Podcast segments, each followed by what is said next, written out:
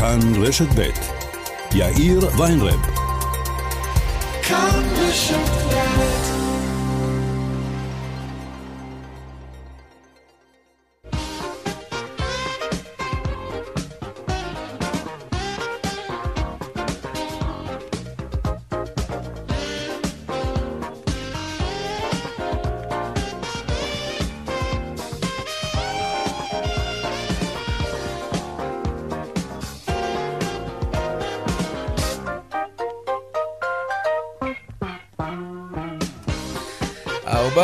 שש דקות, כאן צבע הכסף ברשת ב', יום שני. במקביל לכאוס סביב חידוש הלימודים, כן קפסולות, לא קפסולות, אילו כיתות כן ואילו לא, הסעות, צהרונים, לא חסר.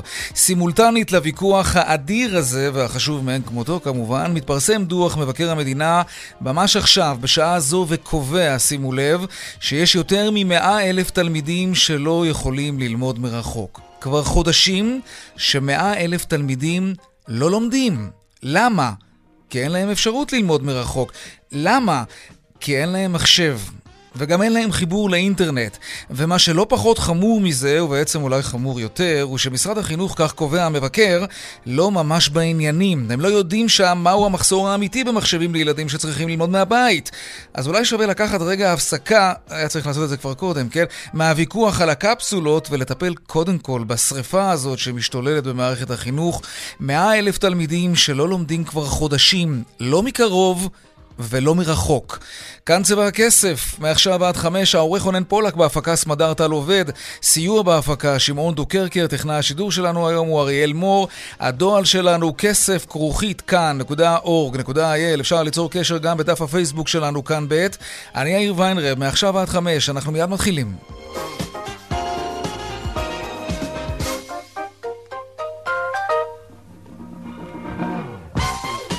כותרות צבע הכסף ליום שני, מבקר המדינה כאמור, מתניהו אנגלמן, מפרסם בשעה זו דוח מיוחד ובו ממצאי ביניים על משבר קורונה.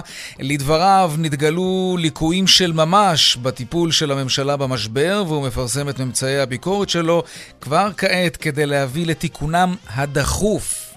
ישנה שורה של ליקויים משמעותיים בניהול משבר הקורונה ויש לתקנם בהקדם. בחודשים האחרונים בדקנו את פעולות הממשלה במהלך הגל הראשון ולאחריו. יש ערך רב לתיקון הליקויים בעת הזו, לכן היום אנו מגישים ממצאי ביניים שיישומם ישפר את תפקוד המערכות הממשלתיות ואת השירות לציבור.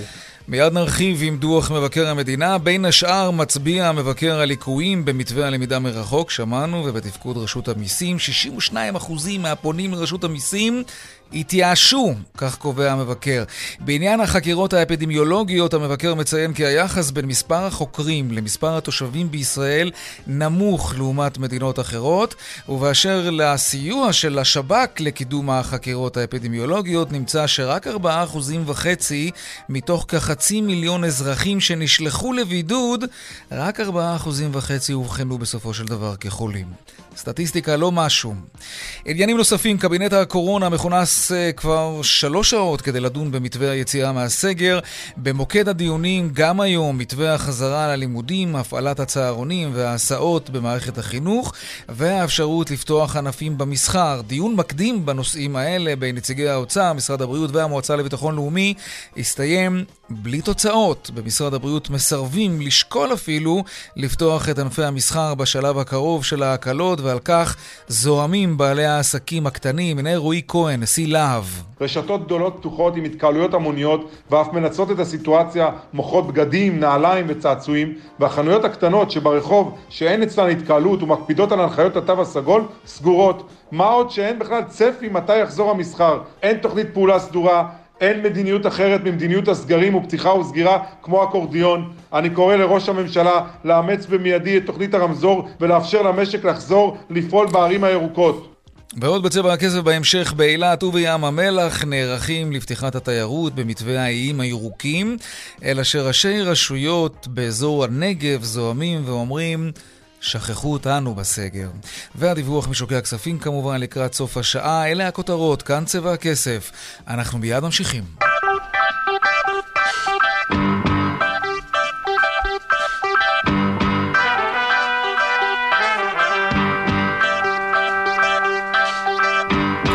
אז קבינט קורונה כאמור מכונס עדיין בשעה זו. דיון מקדים בין נציגי האוצר, משרד הבריאות והמועצה לביטחון לאומי הסתיים בלי הסכמות לגבי פתיחת המסחר. משרד הבריאות מתנגד. שלום עמיחי שטיין, כתבנו המדיני. שלום יאיר. כן, עדכן אותנו, מה קורה שם? בעיקר מתווכחים, אה, נגיד את זה כך. אה, עדיין אגב אין הסכמות, לא על נושא הצהרונים, אה, האם באיזה מתווה הם יתפתחו בכיתות א' וב', האם זה יהיה מעורבב, לא מעורבב, אולי בכלל לא יהיו, זה, יש כל מיני אופציות, אבל עדיין לא התקבלה הכרעה בנושא. ובנוסף לכך כרגע מתנהל העימות על המסחר, האם בעצם ייפתח המסחר בשלב הקרוב, סליחה, חלק מהמסחר בשלב הקרוב. גם המטה לביטחון לאומי מציגים עמדה, אגב, זה היה למשרד הבריאות, אומרים לא לפתוח עכשיו, אלא רק בשלב השלישי. אבל צריך לומר שלא מעט שרים בעצם יוצאים נגד ההחלטה הזאת. יש לנו את העמדה של שרת תיירות אורית פרקש הכהן, שדורשת שתהיה פתיחת צימרים. אה, גם השר אמיר אוחנה, צריך לומר, מצטרף אליה, אומר, אין היגיון מבחינת תחלואה שלא לפתוח את זה. אם רוצים לשדר אמון לציבור, צריך לפתוח את זה. אה, השר ישראל כץ מדבר על אם אפשר להתכנס עשרה, אין שום סיבה לפתוח חנויות רחוב. והשר אדלשטיין אומר לכל אותם שרים, מי בכלל אמר שאנחנו מתכוונים לפתוח בשלב הקרוב אה, מסחר? על בסיס מה קיבלתם אתם את ההנחה הזאת שזה הכיוון שלנו? אה, תגיד, על משהו מסכימים שם? הסכמות כלשהן יש, או שרק ויכוחים? יש לנו בעצם את אותן הסכמות מאתמול, כלומר שכרגע ביום ראשון הקרוב ייפתחו כיתות א' עד ב', א' עד ב', כן, א' עד ב', כלומר אה, חצי, אה, חצי בעיקרון, וג' עד ד' בקפסולות של שבוע מלא שיחולק. כל מה שסיפרת לך זה בעצם הדברים שאין היום הסכמה עליהם, אז אנחנו פחות לימודים יודעים שלמשהו אותם מורים חוזרים, אבל איך יראו אותם לימודים, ומה יהיה המסחר ומה יהיה פתוח, mm-hmm. זה כאמור עדיין מתווכחים בשלב הזה. עמיחי שטיין, כתבנו המדיני, אם יהיו עדכונים, החלטות, תרגיש חופשי לאותת לנו, כמובן. תודה. תודה, עמיחי. עכשיו לדוח מבקר המדינה, מתוך כחצי מיליון מגעים בין בני אדם שהטכנולוגיה של שב"כ איתרה במהלך המאבק בקורונה, והם התבקשו להיכנס לבידוד כמובן, רק משהו כמו שלושה אחוזים וחצי עד ארבעה אחוזים וחצי התבררו בסופו של דבר כחולים. זה כלום. מבקר המדינה בדק את זה. שלום דקלה אהרון שפרן, כתבתנו לענייני בריאות. שלום יאיר, אז uh, מבקר המדינה מותח ביקורת חריפה על הטיפול במשבר uh, הקורונה. קודם כל בואו נדבר על העניין של uh, החקירות האפידמיולוגיות שדנו בהן לא מעט בחודשים האחרונים מאז פרוץ המשבר הזה. לפי הדוח, היחס בין מספר החוקרים למספר התושבים בישראל הוא אחד לתשעת אלפים, הוא נמוך וואו. לעומת מדינות אחרות בעולם, ממש כך, כגון גרמניה ואנגליה ומדינות רבות נוספות. מה למשל, כמה שם יש, אנחנו יודעים? אנחנו רואים, זה לא מצוין כאן, אבל מצוין שהנתונים נמוכים בשיעור נמוך אה, בסדרי גודל. אה, ועניין נוסף שהוא מאוד מעניין, הוא שהמבקר מציין שגם בדוח ביקורת קודם, שהופץ בחודש אה, מרץ 2020, כלומר ממש, ממש בתחילת בהתחלה, המגפה, כן. ממש... המבקר העיר על ליקויים במערך החקירות, על הטיפול במחלת החצבת, אם אתה זוכר אי אז, mm-hmm. עוד לפני שידענו מה זה קורונה. כלומר, למרות הליקויים שהיו במערך החקירות על uh, טיפול במחלות אחרות, למשרד הבריאות עדיין לא הייתה מערכת חקירה מעודכנת לניהול mm-hmm. יעיל של מערך uh, החקירות. זה מה שמסביר אולי למה רשויות מקומיות התחילו בעצמן לעשות חקירות אפידמיולוגיות, כי, כי פשוט כנראה לא עמדו בקצב. תקשיב לסעיף הזה, האמת, יאיר, אם אתה מעלה את העניין הזה לגבי החקירות, בביקורת הזאת של המבקר נמצא כן. שעד לחודשי הקיץ, החוקרים במרבית המחוזות בארץ תיעדו את פרטי החקירה בכתב יד, mm-hmm. ורק לאחר מכן הוזנו הפרטים למחשב בידי גורם אחר. כלומר, חוקר אפידמיולוגי... אני מעט מגחכת, אבל זה באמת לא מצחיק. אפילו כן. לא יושב מול מחשב. אנחנו שמענו עדויות לזה במהלך ה... זה לא עניין של נוחות ה... כמובן, זה עניין של פשוט לעדכן כמה שיותר מהר את החקירות האלה. וזה כמובן עלול להיות גם מקור לטעויות, וזה מה שמציין mm-hmm. המבקר. תיעוד ידני עלול בהחלט להיות מקור לטעויות uh, שכאלה, והמבקר ממליץ כמובן שמשרד הבריאות ומפקדת אלון יגיעו בתיאום מלא כדי להצליח, יפעלו בתיאום מלא כדי להגיע ליעד הזה שקבעו בתחילת נובמבר, ממש uh, בשבוע הבא, uh, בעצם להפעלה של מערכת יעילה, ממוחשבת, לניהול המערך uh, של החקירות האפידמיולוגיות. בנוגע לסיוע השב"כ למשרד הבריאות, אתה ציינת את הנתון הזה, הוא באמת אה, נתון אה, שמסמר אוזניים. אה, תשמע, מתוך כחצי מיליון מגעים שאותרו על ידי השב"כ והתבקשו להיכנס לבידוד רק כ-4 אחוזים, ליתר דיוק בין 3 אחוזים וחצי ל-4 אחוזים וחצי, התבררו בסופו של דבר חולים, זה נתון מאוד נמוך. ולפי המבקר זה מש, משקף פוטנציאל של כניסה מאוד נרחבת של אנשים לבידוד, מיותרת. לא בהכרח אנשים שצריכים, ממש כניסה ככה. כניסה נרחבת ומיותרת, כן. זה, זה גם, אתה יודע, משקף כמובן ומשפיע על האמון של הציבור במערכת, על ההיענות של הציבור אה, לכניסה ל, אה, לבידודים, כאשר באמת יש בזה צורך. מצד שני, צריך לומר, כל הסיפור הזה, כל המגפה הזאת, זה דבר חדש. אף אחד באמת לא ידע איך להתמודד עם הדבר הזה, אז החליטו ללכת על הצד הבטוח, כן? אז זה אולי ככה... אני חושבת שזה נכון מאוד לגבי... איזשהו טיעון מקל על הסיפור הזה. כן. תשמע, אני חושבת שבכל העולם היום מדינות מנסות להתמודד עם המשבר כן. הזה בדרכים שונות, והרבה פעמים, אתה יודע, בשיטה של ניסוי וטעייה. אבל עדיין יש עניין של מידתיות, ואני חושבת שאחת אה, הנקודות המהותיות בכל הסיפור הזה, זה שיתוף הפעולה של הציבור. אם אתה אה, מצריך אנשים לעשות פעולות קיצוניות כמו בידוד, שלא לצורך, זה בהחלט עלול להשליך על האמון של הציבור ועל שיתוף הפעולה. ועוד נקודה אחת, בנוגע לסוגיית הבדיקות, לפי דוח המבקר, משרד הבריאות רכש 2 מיליון ו-100 אלף ערכות לבדיקות סרולוגיות בעלות של כמעט 100 מיליון שקלים, אבל טרם הוצגה תוכנית... רק נזכיר, בדיקות סרולוגיות שאמורות אה, בעצם לבצע בדיקות נרחבות בקרב האוכלוסייה ולראות מי פיתח נוגדנים. כדי לבדוק אם יש נוגדנים. נוגדנים. כן, ואז לפי ככה. זה אפשר למפות איפה המחלה הזאת השתוללה. כן.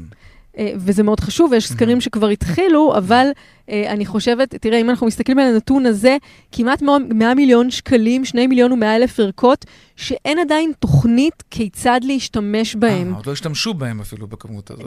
רכשו בסך הכל 2 מיליון ו-400 אלף ערכות, השתמשו בחלק מהם.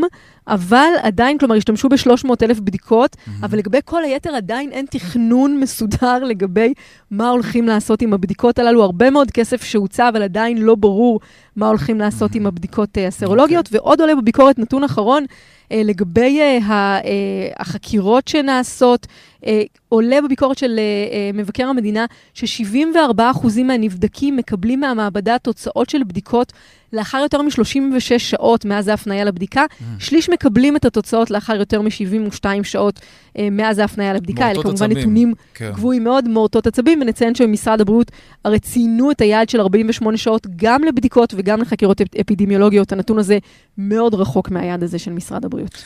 דקלה אהרון שפרן, כתבתנו לענייני בריאות, תודה רבה על העדכון הזה. תודה. על הסקירה הזאת של דוח המבקר. ושלום לירן חוג'אינוב, כתבנו לענייני חינוך. שלום יאיר. מאה אלף תלמידים לא לומדים כי אין להם מחשב. נכון, אין ספק אה, שהדוח המבקר אה, מגלה בעצם אה, עד כמה משרד החינוך בעצם לא ידע ולא התכונן באמת לעניין הלמידה מרחוק. מעבר לעובדה שאנחנו מדברים על יותר מ-100 אלף תלמידים שלא לומדים מרחוק כי אין להם מחשבים, משרד החינוך מגלה מבקר המדינה, בכלל לא יודעים להגיד כמה מחשבים חסרים לתלמידים, והסיבה, הוא השתמש פשוט באומדנים שגויים. 150 אלף אה, מחשבים הוזמנו uh, בתחילת השנה, נגיד כמובן שעדיין הם לא הגיעו, המטרה שלפחות מחצית מהם יגיעו עד סוף חודש ינואר, אז על פי מה הם הסתמכו בלהביא 150 אלף מחשבים? הם הסתמכו על העובדה שעל פי דוח משנת 2018 של ה-OECD, ל-9% מתלמידי ישראל אין מחשבים, ומתוך זה גזרו 150, רגע, קצת רגע. יותר. רגע, ארגון המדינות המפותחות, ה-OECD, בדק את ישראל, שאב מישראל נתונים, כתב דוח, ואז מדינת ישראל הולכת אל הארגון הזה, שהוא ארגון, סוג של ארגון בינלאומי, ושואב משם, המדינה שואבת משם נתונים על עצמה. נכון, אבל זה לא רק זה. זה, הם לא לקחו בחשבון שאת התשעה אחוזים שלקחו משם לא החשיבו את החרדים, והאומדנים שם לא מדויקים עד הסוף, ולכן... אף אחד לא באמת יודע. מתי זה כבר עלה? אני מחזיר אותך חודש אחורה ב- לוועדה לזכויות הילד. עופר רימון, מי שאחראי על הלמידה מרחוק במערכת החינוך, הודיע כבר לא מזמן שהוא פורש מהמערכת, אה, בגלל אה, גם אה, יש שם אה, לא מעט אה, סכסוכים אה, ורצון לקחת לו איזה חלק מהתפקיד. אבל שים לב מה הוא אומר בוועדה לזכויות הילד כבר לפני חודש. למה הם לא יודעים כמה מחשבים יש? בוא נשמע. נגיד שהיית בא ואומר לי, בוא תגיד לי לכמה אנשים בבית יש פסנתר. סתם אני זורק. זה נתון שמאוד מאוד קשה לך לאסוף אותו. נתון שקשה לאסוף, כמו שאנחנו לא יודעים לכמה כן. אנשים יש פסנתר, אנחנו גם לא יודעים לכמה תלמידים חסרים מחשב, וזה מה שעולה מדוח המבקר. המבקר גם מספר על זה שמשרד החינוך לא יודע גם איך וכיצד יש מי שמשילים את, את המחשבים בתוך בית הספר. אין מי שמפקח על זה אה, כמו okay. אוקיי. שצריך, וגם בחברה החרדית, לאחד מכל חמישה ילדים אין, אין, מחשב. אין אין טלפון במקרה הזה, טלפון, כי שם הם משתמשים כן. בטלפון שאין מחשב. ניתן את אה, תגובת אה, משרד החינוך. אה, שר החינוך כמובן בא ודבר ראשון ככה רומז ומאשים שהכל לא נעשה בתקופתו, אלא בתקופת השר הקודם והמנכ"ל הקודם, אבל השר גלנט כבר ב-18 למאי, עם כניסתו לתפקיד, הנחה את גורמי המקצוע במשרד לבחון את הלקחים okay. אוקיי. מתקופת הסגר, תגובת משרד החינוך. אוקיי, okay, טוב, עוד מעט אנחנו נחזור לעסוק בדוח מבקר המדינה. נשוחח כאן גם עם מי שכתבה את הדוח הזה. עכשיו לירן, למתווה החזרה ללימודים. בוא, בוא תעשה לנו סדר בעניין הזה. תראה, עדיין אין מתווה מסודר. יש המלצות שכבר יצאו אתמול uh, מ, uh, מוועדת uh, הקורונה, יותר נכון, מקבינט הקורונה, הקורונה כן. מקבינט הקורונה. הוא אומר בגדול, א' וב' יכולים לחזור רק בקפסולות ולסירוגין. כרגע משרד החינוך אומר לרשויות, תתארגנו על פי איך שאתם יודעים, אנחנו נאפשר פה גמישות. כלומר, אם בית ספר או רשות ירצו שלושה ימים ושלושה ימים נאפשר, אם הם ירצו שבוע ושבוע נאפשר. מה שאנחנו רואים שכן קורה בשטח, זה שכל רשות לוקחת לעצמה ומוצאת מה שהיא רואה לנכון ומה שטוב לה. אנחנו רואים לא מעט רשויות שכבר הודיעו שהם מבחינתם יכולים להחזיר בלי יותר מדי כסף את תלמידי כיתות א' וב' בקפסולות לכל הימים לבית הספר, וגם חלק מכיתות ג' וד'. ולכן חלק מהרשויות כבר הודיעו את זה, למרות שעדיין לא אושר מתווה של משרד החינוך, והם אמרו שזה הקו שהם הולכים אליו, כמובן בסיוג. נחכים להחלטת uh, הקבינט גם לגבי הצהרונים וגם לגבי ההסעות, זה עדיין לא הוחלט. אנחנו יודעים שהם מתווכחים שם. בינתיים גם יושב ראש ועדת החינוך בכנסת, רם שפע, מאיים מבחינתו שהוא לא יאשר מחר את התקנות אם כל כיתות א' וב' לא יחזרו. Uh, זה גם עולה בקבינט, יש פה גם כמובן עניין פוליטי, אבל כרגע, כמו שזה נראה, השטח מחליט mm-hmm. מה שהוא רוצה, בלי בינתיים לסכם עם uh, משרד החינוך, כשמצד השני אני גם שומע ראשי רשויות שאומרים, אנחנו נפתח, כמו שהחרדים פתחו, גם אנחנו נפתח, ואם צריך, אנחנו נפתח okay. עד אוקיי. הסוף, ומצד שני אנחנו גם שומעים ראשי רשויות שאומרים, אנחנו לא נפתח בכלל אם לא מחזירים את הכל, כי אין לנו כסף. והנה עוד צד שלישי של ראשי רשויות שעושים שיש להם, והם כן פותחים כמו שהם רואים לנכון. כאמור, הכל עוד כפוף uh, לאישורים כאלה ואחרים, כן. אבל זה הכיוון וזה המגמה בשטח. אז לירן, בוא, אתה נשאר איתנו כמובן. בוא נצרף אלינו לשיחה את שי חג'אג', יושב ראש מרכז המועצות האזוריות וראש uh, מועצת מרחבים. שלום לך. שלום, ערב טוב. אתם ערוכים לפתוח את כיתות א' עד ד' על פי המתווה שמתגבש? כן, אני, אה, היה לנו, הייתה לנו שיחה היום עם שר החינוך. מבחינתנו, המתווה שהקבינט גיבש הוא מתווה חסר, הוא, אה, יש בו מה שנקרא חוסר היגיון. דווקא כיתות א' וב', שזה הכיתות הכי הכי קריטיות, שבו מתחילים ללמוד קרוא וכתוב, וזה ילדים קטנים שלא יכולים ללמוד בזום, הם החליטו לעשות את זה בקפסולות ולסירוגין, זאת אומרת רק שלושה ימים בשבוע. זה משהו שאנחנו לא מסכימים לו, אנחנו כבר, uh, משיחות שיש לי עם למה? תסביר. מועצות, למה לא? אני אסביר. אם כבר אנחנו חוזרים למתכונת של לימודים, והוכחנו את זה גם בבית ספר של החופש כן. הגדול, כיתות א'-ב' לא היה איתם שום בעיה, נהפוך הוא, אנחנו במסגרת התקציב שלנו, בלי הרבה עזרה, אני אומר לך שמשיחות שיש לי עם ראשי מועצות, כמעט כולם ערוכים לפתוח את א'-ב' בקפסולות. חמישה ימים בשבוע, כנ"ל את ג'-ד', הם צריכים להפשיר לנו גמישות. בסוף, מי שיודע לנהל את העניין הזה בצורה הטובה ביותר זה ראשי הרשויות ומנהלי בתי הספר. למה לא מעבירים... ש... כן, סליחה, לירן. לא, לא, השאלה באמת, שי, מי, מה קורה עם רשויות שלא יכולות? כי אנחנו שומעים על רשויות מקומיות שאומרות, אוקיי, אנחנו נוסיף כסף ונביא עוד אה, עוזרי הוראה כדי שילמדו. לא לכולם יש את הכסף הזה. יש רשויות שלא יכולות לעמוד בזה. מה, שם התלמידים יישארו מאחור? לא, לא, אני מסכים איתך. המדינה צריכה לשים יד בכיס ולסייע לרשויות האלה, בלי קשר, גם במתווה של א'-ב' בקפסולות. ראינו שבמתווה הקודם גם לא היה צריך להוסיף, היה צריך להוסיף ממש מעט כסף. ובסופו של דבר אנחנו רוצים להחזיר את המשק לשגרה, להחזיר אותו בצורה אומנם מדודה, וסיכמנו כבר מראש שזה יהיה פעם בשבועיים כדי לראות את ההשפעה של הדבר הזה. אז אנחנו אומרים, אם כבר מחזירים, בואו באמת נאפשר להורים לצאת לעבודה, נאפשר למשק להיפתח קצת יותר. כיתות א'-ב' זה כיתות קטנות, הם לא יודעים ללמוד בזום, אנחנו מפספסים שנת לימוד, אנחנו כבר בחודש כזה שכבר אוטוטו השנה נגמרת לנו. אז מה שר החינוך אמר לך? אתה דיברת איתו היום, למה הוא לא נותן לכם את נכון. הסמכויות? אז קודם כל שר החינוך אה, באמת באמת היה קשוב לנו, ובהחלט מבין את הרצונות שלנו, והוא... למה הוא לא נותן לכם את הסמכויות? אז הוא, בסיכום שלנו, הוא הבטיח שהוא יעביר את המסר הזה לקבינט, ובעצם יאפשר לנו בסופו של דבר את האופציה הזו שכל רשות, בהנחה שהיא יכולה לפתוח חמישה ימים בשבוע, הם יאפשרו את זה. כן חסרים לנו תשובות לגבי ההסעות, במיוחד במועצות האזוריות, ולגבי הצהרונים. אז גם אם לא יהיו צהרונים בשבועיים האלה, לא נורא, אבל לפחות נפתח, נאפשר את הלימודים עד שעה אחת כל יום. אבל אני מדבר על חמישה ימים בשבוע. שי, אה, מבקר המדינה, מתניהו אנגלמן, מפרסם לפני זמן קצר את דוח מבקר המדינה שלו. בין היתר הוא קובע שישנם 100 אלף תלמידים בישראל שלא לומדים כבר חודשים, כי אין להם מחשב, אין להם סמארטפון, אין להם חיבור לאינטרנט. במועצה האזורית שלך, אתה יודע על תלמידים כאלה שחודשים כבר לא לומדים? ואם כן, בגלל שאין להם את הציוד הזה, מה כמועצה אזורית אפשר לעשות?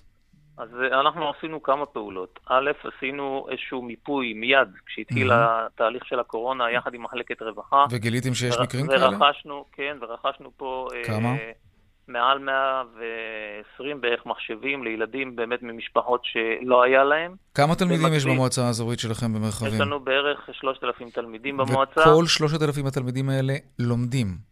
לומדים. כל מי שהיה צריך ללמוד בזום, לומד בזום. לא היה שום תלמיד שלא למד mm-hmm. בגלל שלא היה לו מחשב. גם אם הייתי צריך לוותר על המחשב האישי שלי במשרד, הייתי נותן את זה לילד. אם לא הייתם מתארגנים, אתה אומר כ-120 תלמידים לא היו יכולים ללמוד.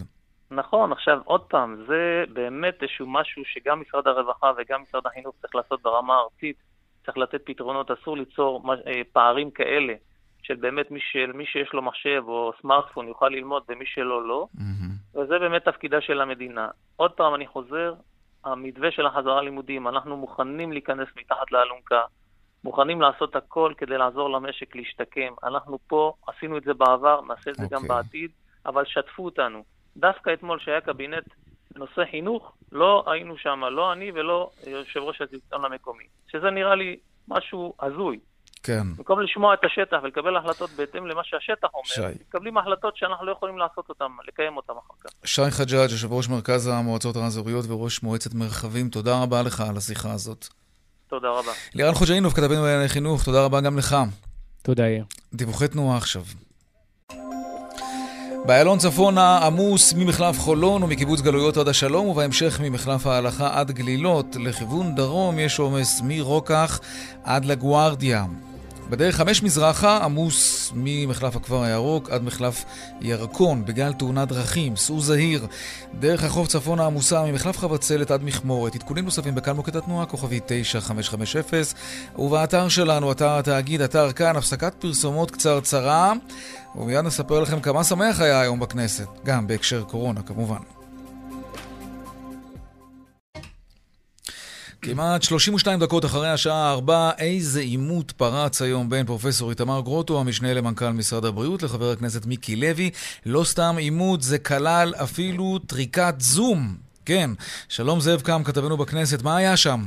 שלום. קודם כל, אתה יודע, בתקופת הקורונה אי אפשר uh, לנטוש את החדר, אתה יודע, לברוח החוצה ולסגור כן. את הדלת מאחוריך, זה נאלץ, נאלצים, מה שנקרא, ללחוץ הכפתור, mm-hmm. כדי uh, שתוכל לתאר שהייתה אז מה הסדרנים עושים בכנסת, תזכיר לי? תראה, הח"כים עדיין שמה, ומדי כן. פעם כן מגיעים בכל זאת אורחים, אבל הרוב נכון. מגיעים כן. אכן בזום. תראו, הסיפור הוא כזה, זה היה בכלל דיון שהתחיל מאוד רגוע, הוא עסק בשאלה... איך אפשר להתחיל לשחרר את עולם התיירות אה, בתקופת אה, שגרת אה, קורונה. מהר מאוד אה, הבהירו נציגי משרד הבריאות אה, שזה ייקח זמן. השלב של התיירות, אה, תיירות אה, נכנסת, אה, גם תיירות שקשורה בתיירות פנים, זה אמור כן. להיות בשלב הרביעי והחמישי של מתווה היציאה. בשלב מסוים, כשדיברו על הצימרים ונכנס מיקי לוי מיש וככה, עד, עד הרגע הזה גרוטו היה רגוע, המשנה למנכ"ל משרד הבריאות, אבל כשמיקי לוי התחיל ככה לאתגר אותו ולצעוק עליו, שים לב לתגובה המאוד לא רגילה של פרופסור איתמר גרוטו. אנחנו עכשיו הולכים לקראת שלב 2, אני מניח שיהיה איזה דיון בקבינט, ושם הקבינט יחליט. עמדת משרד הבריאות היא שכרגע צריך להמתין עם זה לשלב 3, בזה אני מייצג את עמדת משרד הבריאות. אבל למה? מה הסכנה הבריאותית שאתם רואים בצימרים, שזה... או... במקום שאני יושב בבית אני יושב בצימר? אין סכנה ספציפית בצימר, ואין סכנה ספציפית בחדר כושר, ואין סכנה ספציפית במסעדה פרטנית. אבל אנחנו מדברים על עומס של דברים שביחד יוצרים סכנה. הוא אמר את זה. ככה זה נבנה, ככה זה נבנה הדבר. יש משפחות שמתמוטטות, מה הבעיה לפתוח צימרים? לא, אני רוצה להוכיח לך שאני צועק יותר חזק ממך. אבל זה קפסולה... לא, לא תשתלט על הדיון. לא, יש לך חברי כנסת שממתינים סבלנות. זו קפסולה משפחתית. גרוטו, פרופסור גרוטו, אני מבין אותך. יש לכם בעיה, תפנו לקבינט. תודה רבה. כן, זה, תודה רבה היה של איתמר גרוטו, בסופו של דבר הוא פשוט התעצבן ונטש ב, בדרכו, כן, את, את הדיון. כאילו, כמו שנוטשים בתקופת קורונה כמובן. כן, מכבים את הזום, את המצלמה. תראה, אני אגיד לך שני דברים בהקשר הזה. קודם כל, זה כבר קרה לו פעם אחת, לפרופסור גרוטו בכנסת, בדיון אחר, אגב, שהוא הגיע אליו פיזית, ישב mm-hmm. בוועדה. בשלב מסוים הח"כים, אה, ככה, איך, איך לומר את זה? אה, אתגרו אותו, אה, אולי פקפקו אפילו ב, ביושרה המקצועית של אנשי משרד הבריאות. הוא צעק צעקות די דומות לצעקות שהוא גם צעק בדיון הזה, שאגב, את חלקם היותר ווקאלי לא שמענו, כי זה קרה, קרה אחר כך. אבל אה, מצד שני צריך להבין, הוא מגיע לכל דיון כמעט, בין אם זה בזום, בין אם זה פיזית, בוועדות הכנסת, הוא עונה לשאלות בסבלנות, הוא לא ישן הרבה, הם באמת נמצאים, והוא ספציפית, בתקופה של כבר חודשים ארוכים, תחת לחץ ומתח וחוסר שעות שינה, ובתוך הדבר הזה, כשכולם, אגב, כל הטענות הרי מגיעות למשרד הבריאות. בסוף כולם מתנקזים לשם, כולם באים בטענות למה לא פותחים פה, למה לא פותחים שם. איכשהו משרד הבריאות נמצא בתוך איזשהו, אה, אה, תחת אה, סמן של מטרה, וכל הטענות מגיעות אליהם וכלפיהם, mm-hmm. וזה יכול לקרות. והוא גם אדם טיפה חמום מוח באופן, אה, באופן חיובי, אני אומר את זה. כן. אבל תשאל את רוב הח"כים, יאיר, למרות ההתפרצות הזו ולמרות הנטישה של הדיון, גרוטו מגיע להרבה דיונים, לפחות שלושה, ארבעה, לפעמים ביום אחד mm-hmm. בכנסת, עונה לכל השאלות, לרוב גם בסבלנות ובצורה כן. נעימה, הפעם ברח לו. הפעם כן. הפעם. זאב קם, כתבנו בכנסת, תודה רבה. רק נגיד לסיום, כן. עולם התיירות, בשורה התחתונה, זה הרי היה נושא הדיון, הוא עוד ייאלץ להמתין, כן. וזה בהחלט אה, לא פשוט עבור התחום הזה. וזה תודה. הנושא שאנחנו ממשיכים איתו כמובן. תודה, זאב קם, כתבנו בכנסת. ההכרזה, ההכרזה אתמול על אילת וים המלח כאיים ירוקים, באיחור כמובן, גרמה אבל לאופטימיות גדולה בקרב בתי המלון, אבל בעלי הצימרים, המבודדים ועסקי התיירות, שלהם אין גב כלכלי כמו שיש לרשתות בתי המלון למשל, הם לא מבינים מבינים איך הם נשארו מאחורה. אסף פוזיילוב, כתבנו בדרום עם הדיווח הזה. לא ברור מה ארך זמן רב כל כך כדי לעלות על הפתרון בדיקות בכניסה לאילת ולים המלח ופתיחתם במתכונת תו סגול לתיירות. פתרון שעיריית אילת התחננה בפני שרי קבינט הקורונה שבועות ארוכים שיקשיבו לו. האישור היום בממשלה גרם לאופטימיות גדולה בקרב מנהלי המלונות שמתכוונים לפתוח, ייתכן בהדרגה, החל מחמישה בבוקר. הנה ארנון לביא, מנכ"ל מלון ישרוטל ים המלח ומלון גנים. יש uh, כבר uh, הרבה התעניינות בשוק הישראלי, ומרכז הזמנות uh, מקבל טלפונים. להערכתי, להערכתי אנחנו נתחיל בתפוסות של uh, מ-80% ומעלה, זה אומר שאנחנו נטפס גם לתפוסות מלאות. אני, מאחר ואני מכיר את ים המלח טוב, וגם את אילת, אז אני מניח שהתפוסות יתחילו לעלות עם, עם הביקושים. ברגע גם שאנשים יבינו שסך הכל ים המלח ואילת זה אזורים ירוקים, אז כך ש... להערכתי אנחנו נתחיל לטפס בתפוסות, והתפוסות יהיו מלאות מאוד. אני מעריך תפוסות של בין 90% ל-100%. חיים כהן, מנכ"ל המלון הגדול ביותר ברשת ישרוטל באילת, רויאל ביץ', אומר, כרגע בחודש הבא התפוסה שלנו היא 50% עוד לפני ההקלות, זה יעלה, אבל עדיין רב הנסתר על הגלוי בקשר להנחיות החדשות. ברגע שנפלה ההחלטה בממשלה שכן לאפשר אה, מתווה, אנחנו רואים כן אה, תנועה במרכז ההזמנות. כן יש פניות, ורואים את זה היטב, ואני מאוד מקווה שה... לכיוון לפתוח בחמישי לחודש יצא לפועל, וקצת אה, למזער נזקים שאנחנו חווים עוד מהסגר הראשון. אני מאוד מקווה שבהיעדר אפשרויות אחרות אה, יבחרו להגיע לאילת. אנחנו כרגע באמצע שבוע סביב 50 אחוז, ובסופי שבוע אנחנו מטפסים בתפוסה, ואני מניח שנגיע לתפוסות גבוהות מאוד. ובעוד זה קורה, האנשים שמפעילים צימרים ועסקים קטנים בדרום קורסים, ואינם מבינים מדוע שרי קבינט הקורונה לא מאשרים פתיחה של המקומות המבודדים והאינטימיים האלה האלה, בעוד מלונות באילת אפשר, וגם חנויות ענק שמלאות בקונים. הנה אפי פרי, מדריך טיולים במצפה רמון. המקום הכי פתוח בארץ, הנגב הוא התרופה, הוא לא הבעיה. הכי בטוח בנגב הפתוח, והוכחה, היה פה באוגוסט מאות אלפי אנשים שטיילו פה, אפס מקרים של הדבקה. אנחנו אומרים תעשו ניסוי, תנו לנו, בבקשה. תלכו את התיירות פה, תראו, תעשו ניסוי עלינו. תראו שאפשר לטייל בבטחה בנגב הפתוח. ומהניסיון הרב והרע של קבלת ההחלטות, גם ההקלות האלה יכולות להשתנות מעכשיו לעכשיו, בלי הסבר הגיוני נראה לעין. אנחנו חוזרים אה, לעסוק בדוח מבקר המדינה שמתפרסם בשעה זו. שלום ליאורה שמעוני, מנהלת חטיבת ביקורת, תחומי חברה ורווחה. שלום לך. שלום. בואו נדבר קודם כל על איכוני השב"כ. האם אתם במשרד מבקר המדינה אמ, המלצתם, האם אתם מצפים מקבינט קורונה, מהממשלה, לא להשתמש עוד באיכוני שב"כ בגלל הסטטיסטיקה המגוחכת הזאת שאתם מגלים לנו היום בדוח? רק 4.5% מתוך חצי מיליון מאוכנים, רק 4.5% התגלו בסופו של דבר כחולים מאומתים. תראה, אנחנו לא אומרים לא להשתמש בזה, מה שאנחנו כן אומרים זה שצריך לשפר את המערכות, ובמיוחד מה שצריך לעשות זה לחבר את המעגלים. כלומר, לחבר את המעגל של החקירה האפידמיולוגית האנושית עם המעגל של איכוני השב"כ, mm-hmm. ואז למצות את היכולות. ברגע שאתה תאחד את הדברים, תייצר כאן מעגל אחד שלם, אתה תהפוך את התפוקה להרבה יותר משמעותית. Mm-hmm. וזה לא נעשה ככה? כלומר, כשהטכנולוגיה של השב"כ גילתה שישראל עמד ליד ליאורה, וליאורה הייתה חולה מאומתת, אז באופן אוטומטי ישראל נכנס לבידוד, ולא כך צריך לעשות את זה? צריך להצליב את זה עם עוד משהו? זה מה שאתם אומרים? זה מערכות למעשה שונות. המערכת של, המערכת של השב"כ היא מערכת טכנולוגית בעיקרה. טכנולוגית, היא לא מדברת בכלל על היבטים אה, אה, היבטים אנושיים. אנחנו לא מדברים כאן עם אף אחד, לוקחים משהו ארטילאי ובודקים בסביבה שלו, מה קרה בסביבה של אותו חולה מועמד, שכבר הוגדר mm-hmm. כמועמד. לעומת זאת, החקירה האפידמיולוגית, היא מדברת על היבטים הרבה יותר אה, אה, ברורים, על היבטים אנושיים. עכשיו, אל תשכח שגם בחקירה האפידמיולוגית, יש בעיות. אם אתה לא מספר על כל המגעים שהיו נכון. לך בימים האחרונים, אתה גם לא בטוח שכל המידע שאתה מסרת הוא המידע הנכון. ואז שב"כ אוקיי? יכול להשלים את זה דווקא. בדיוק. אז ברגע שאתה עושה איזשהו מעגל, אתה סוגר את המעגל הזה, אז אתה יכול להפיק את תועלת יותר טובה, ולהבין כמובן את המגבלות של המערכות, גם של המערכת האנושית, אבל גם את המגבלות של המערכת הממוכנת, שיש לה את המגבלות שלה. היא חיה בעולם אחר, שונה לגמרי, וצריך להבין את הדברים האלה. להצליב מידע, בקיצור. אין מנוס מזה. זה להצליב ויותר מזה, נכון. כמו בעיתונאות, ככה אנחנו עושים.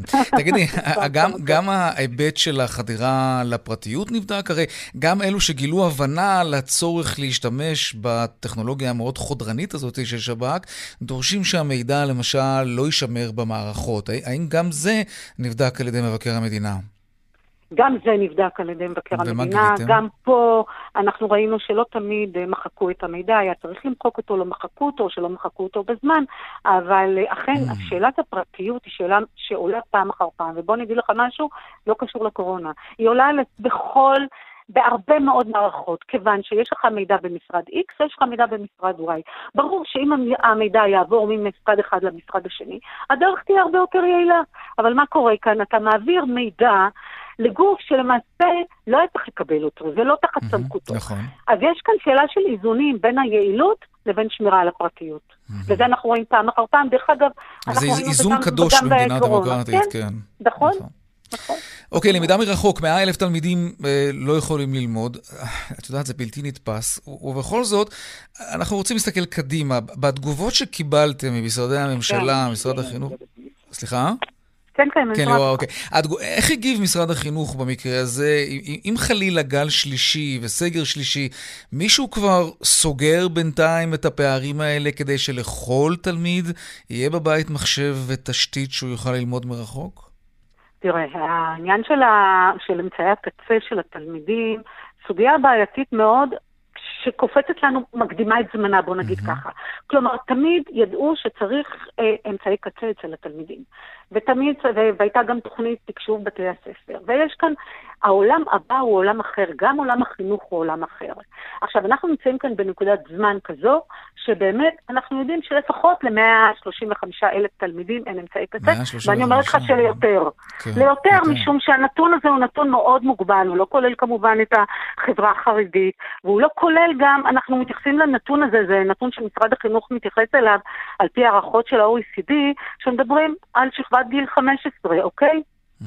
אז בואו ניקח את המספרים האלה בערבון מוגבל, ונניח אפילו בביטחון יותר גמור, שמדובר על יותר מזה. יותר מזה. יותר מזה, נכון. עכשיו המערכת, כן. אבל משרד החינוך, לזכותו ייאמר עכשיו, נכון, שהוא לא אולי היה לעשות את זה כבר קודם, רץ מהר מהר מהר, ומתחיל לפעול להוציא את המכרזים האלה לרכש של מחשבים חדשים.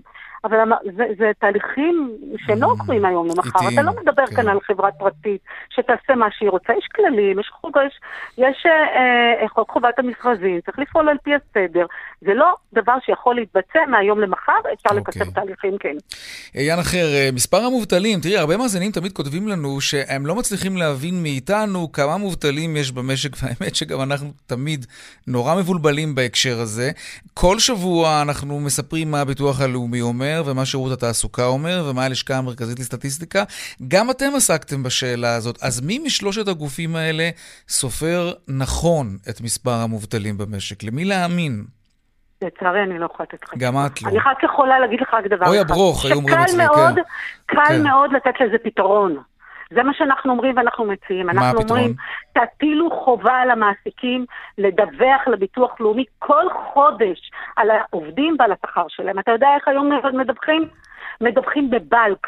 לוקחים את השכר של כל העובדים כן. באותו ארגון, נניח משרד, אה, משרד מבקר המדינה, עד mm-hmm. 600 כמעט עובדיו, ומעבירים את השכר של כל ה-600 עובדים ביחד למשרד, ל, ל, ל, לביטוח לאומי. Mm-hmm. כל עובד לכשעצמו... וכך אפשר לספור. רואה, כן. נכון. עכשיו, כל עובד לכשעצמו רואה שירד גם לביטוח לאומי כך וכך. אבל הביטוח לאומי לא רואה את זה, הוא רואה את זה רק פעמיים בשנה, רק בינואר וביולי הוא יודע את זה. עכשיו, אם אתה תטיל חובה על המעסיקים, לפחות על רובם, לדווח חודש בחודשו על השכר של כל עובד ועובד, mm-hmm. פתרת כאן חלק גדול מהבעיה. אפשר יהיה להבין מי עובד ומי לא, בדיוק. נכון, אתה, כן. אתה יודע בדיוק מי חזר לעבודה, מי לא חזר. אתה יודע, אנשים יכולים, יכול להיות שאנשים יחזרו לעבודה, וביטוח לאומי אפילו לא יודע את זה. הוא ממשיך לשלם להם דמי אבטלה.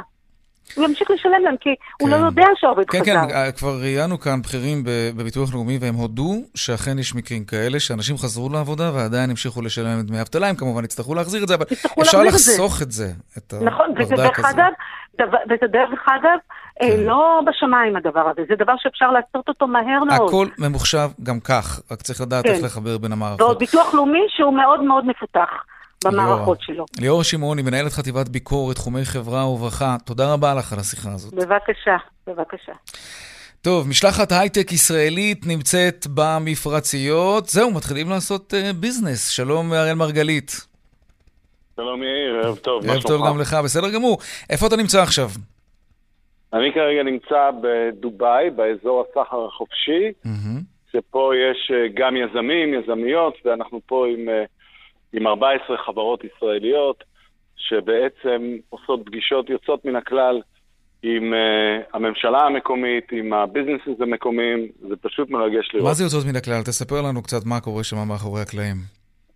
אז תראה, um, ישראל, uh, אנחנו כבר, צריך להגיד, בשנים האחרונות אנחנו, בשנים האחרונות אנחנו כבר עושים עסקאות גם בנושא הסייבר, שחברות עושות את זה לאט לאט, גם בנושא של אה, בינה מלאכותית שהיא רלוונטית לנושא הפיננסי, היא רלוונטית לנושא של הביטוח, היא רלוונטית לדברים אחרים. והיום גם הנושאים של אגריטק, אה, של פודטק, של ביטחון מזון ושל אה, רפואה דיגיטלית. כל הדברים האלה זה דברים שישראל מאוד מאוד מעניינת את החבר'ה פה, ואני חושב שהמנכ"לים שמגיעים הנה, מתחברים עם החברות הגדולות, עם הבנקים הגדולים, הלקוחות הגדולים. זה פשוט תענוג לראות את השיח. ואחד מהדברים שאני חושב שהכי מעניינים לנו לראות, זה שבעצם כמה החבר'ה פה באמירויות עושים דברים גדולים בכל האזור, ולא רק פנימה. מה למשל? בעצם, תראה, הם היום, כשאתה מדבר על חברות ביטוח, אז הם מגיעים לכל העולם הערבי. כשאתה מדבר על uh, פרויקטים uh, חקלאיים, אה, הם עושים פרויקטים חקלאיים גדולים במצרים ובמרוקו ובמדינות אחרות, והם בעצם, אה, אנחנו זקוק, זקוקים לנו ואנחנו זקוקים להם כדי להיכנס לשווקים האלה. Mm-hmm. כשהם מדברים על, למשל, לשנות את העולם הרפואי ממצב שבו אתה צריך להגיע לבתי החולים הגדולים, לרפואה דיגיטלית שמגיעה הביתה, זה בדיוק הנושאים שישראל יכולה לעבוד איתם ביחד, וזה תענוג לראות, כי בעצם הם מדינה קטנה, אבל הם עושים דברים גדולים, יש להם ראש אה, רחב, גדול, בינלאומי. הם, הם למדו במערב, נכון? כלומר, אתה, אתה בעצם כן, נפגש כן. עם אנשים שלמדו באוניברסיטאות הטובות והגדולות במערב, בארה"ב ובאנגליה. בדיוק, זה דברים שאנחנו... כן. מאוד מעריכים. אנחנו מעריכים והיינו רגילים לראות אותם במקומות כמו סינגפור, או במקומות אחרים בעולם. פה, בתוך העולם הערבי, עם הרבה מאוד אנשים שמגיעים ממצרים ומסוריה ומלבנון, וביחד נפגשים איתנו, אבל מעניין. מעוניינים לעשות דברים גדולים ביחד עם ישראלים. תגיד, זה תענוג לראות. עם יד על הלב, העניינים הפוליטיים לא עולים בכלל? אה, לא, העניינים הפוליטיים לא עולים. די, נו, מה, לא מדברים קצת פלסטינים, על חברי הכנסת הערביים שהצביעו נגד הסכם השלום? יש, לא חסר, אה, אתה יודע, בשולי הדברים, אה, הדברים המעניינים באמת. אז תראה, אתה יודע שאני ירושלמי, ואנחנו כבר משתפים פעולה עם די הרבה אנשי עסקים ערבים ופלסטינים. אז הרבה מאוד מהפרויקטים שאנחנו עושים, יש כן. גם מקום לפלסטינים, ויש מקום לשיתוף פעולה. רגע, זה מעניין. הפלסטינים אה, איפשהו מתחברים ליוזמות הכלכליות האלה שאתם מנסים לקדם שם? כן, תשמע, כל, כל אחד מאיתנו שעושה כבר עסקים עם אנשי עסקים פלסטינים, ושהם עושים עסקים פה באזור, וחלק מהדברים האלה הם דברים שמדי פעם הם משולבים, צריך להבין שהצעירים הערבים בישראל הם שגרירים אדירים לתוך העולם הערבי. כי הם בעצם לומדים בעולם הערבי, יש להם קשרים, וכמו שאנחנו היום רואים אותם בתור רופאים ובתור אחיות mm-hmm. בבתי חולים שמצילים את החיים, הרבה מאוד מהאנשים צריכים להבין שהם גם גשר ל, אה, ל, לאזור שלנו. Mm-hmm. והדברים האלה פה, בסוף, אתה יודע, הפוליטיקאים חותמים הסכמי שלום, אנחנו היזמים ממלאים. אותו בתוכן. שלום הכלכלי. את הדרך. כן. אה, אה, זה לא שלום כלכלי, זה שלום אמיתי. זה שלום של שיתופי פעולה. הוא יכול להיות גם כלכלי, והוא יכול להיות גם תרבותי, ואחרי זה הוא יהיה במוזיקה, והוא יהיה בתרבות, והוא יהיה בכל אותם נושאים שמחברים עמים ומחברים אנשים על אמת, תגיד, וגורמים לנו לעשות את הדבר הבא בהרבה רצון טוב. אה, לסיום, כי זמננו תם, איך, איך מערכים אתכם שם? אני מניח שישנם גם אנשי עסקים ישראלים, שומרי מצוות דתיים שמגיעים לשם. אוכל כשר, או ש... הרי הכשרות המוסלמית כמובן לא מספקת אדם דתי-יהודי, איך זה עובד שם? אז הנה הבוקר, כשהיה לנו מפגש גדול, אה, אז קודם כל, אה, לא כל היזמים צריכים לאכול כל הזמן, אתה יודע, יש את הדיאטה הקטוגנית שצריכים לצום בבוקר, כן. אבל כשהגיע הצהריים, אז הם הביאו אוכל, והביאו אוכל שהיה כשר, ושאלו אותנו. ונתנו את ה... מה זאת אומרת? יש פה מסעדות שהן מהמסעדות הטובות בעולם. תשמע, יאיר, אתה צריך להגיע הנה, מה קורה איתך? יש פה אוכל כשר, יש פה אוכל מגוון, ויש פה אוכל ים, יש פה מה שאתה רוצה. יפה. אראל מרגלית, מייסד ויושב ראש קרן JVP, תודה רבה לך על השיחה הזאת, ובהצלחה שם שיהיה, מה? תודה רבה, ותרימו קצת את הראש, אני שמעתי את הרעיונות הקודמים. ישראל יכולה להיות הרבה יותר טובה והרבה יותר חזקה.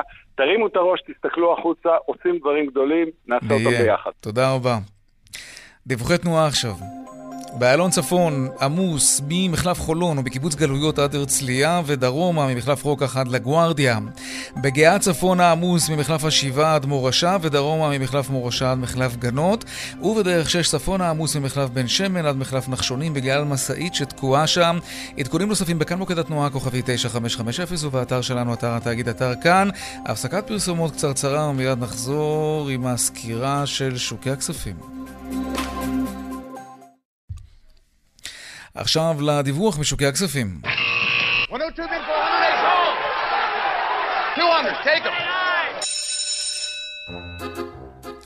שלום רואה החשבון אמיר אייל, יושב ראש קבוצת ההשקעות אינפיניטי. ערב טוב, יאיר. עוד מעט נדבר, ככל שיותר לנו הזמן, על הלוואות בריבית שלילית, ואולי גם על דירוג האשראי של ישראל, אבל קודם כל, סקירה קצרה של השווקים היום.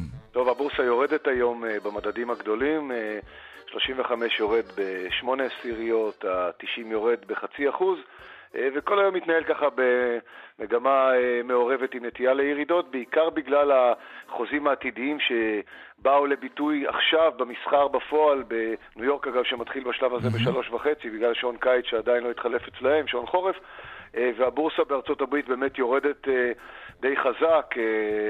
ירידות uh, במדדים המובילים בארצות הברית, שהם הגורמים לירידות כאן, אבל שם יורד יותר, אחוז 6 ב-S&P 500, הנסדק יורד uh, ב, גם הוא באחוז uh, וחצי וגם הדאו ג'ונס בשני אחוז, אחרי שגם באירופה ירידות חזקות. זה mm. בגלל... התפרצות מחודשת חזקה מאוד של הקורונה, כן, באירופה. ותגובת uh, שרשרת בעצם מכל העולם. כן. טוב, עכשיו בנק ישראל משחרר לבנקים הלוואות בריבית שלילית, כן? כדי שאלו ייתנו לעסקים הלוואות מוזלות כמובן.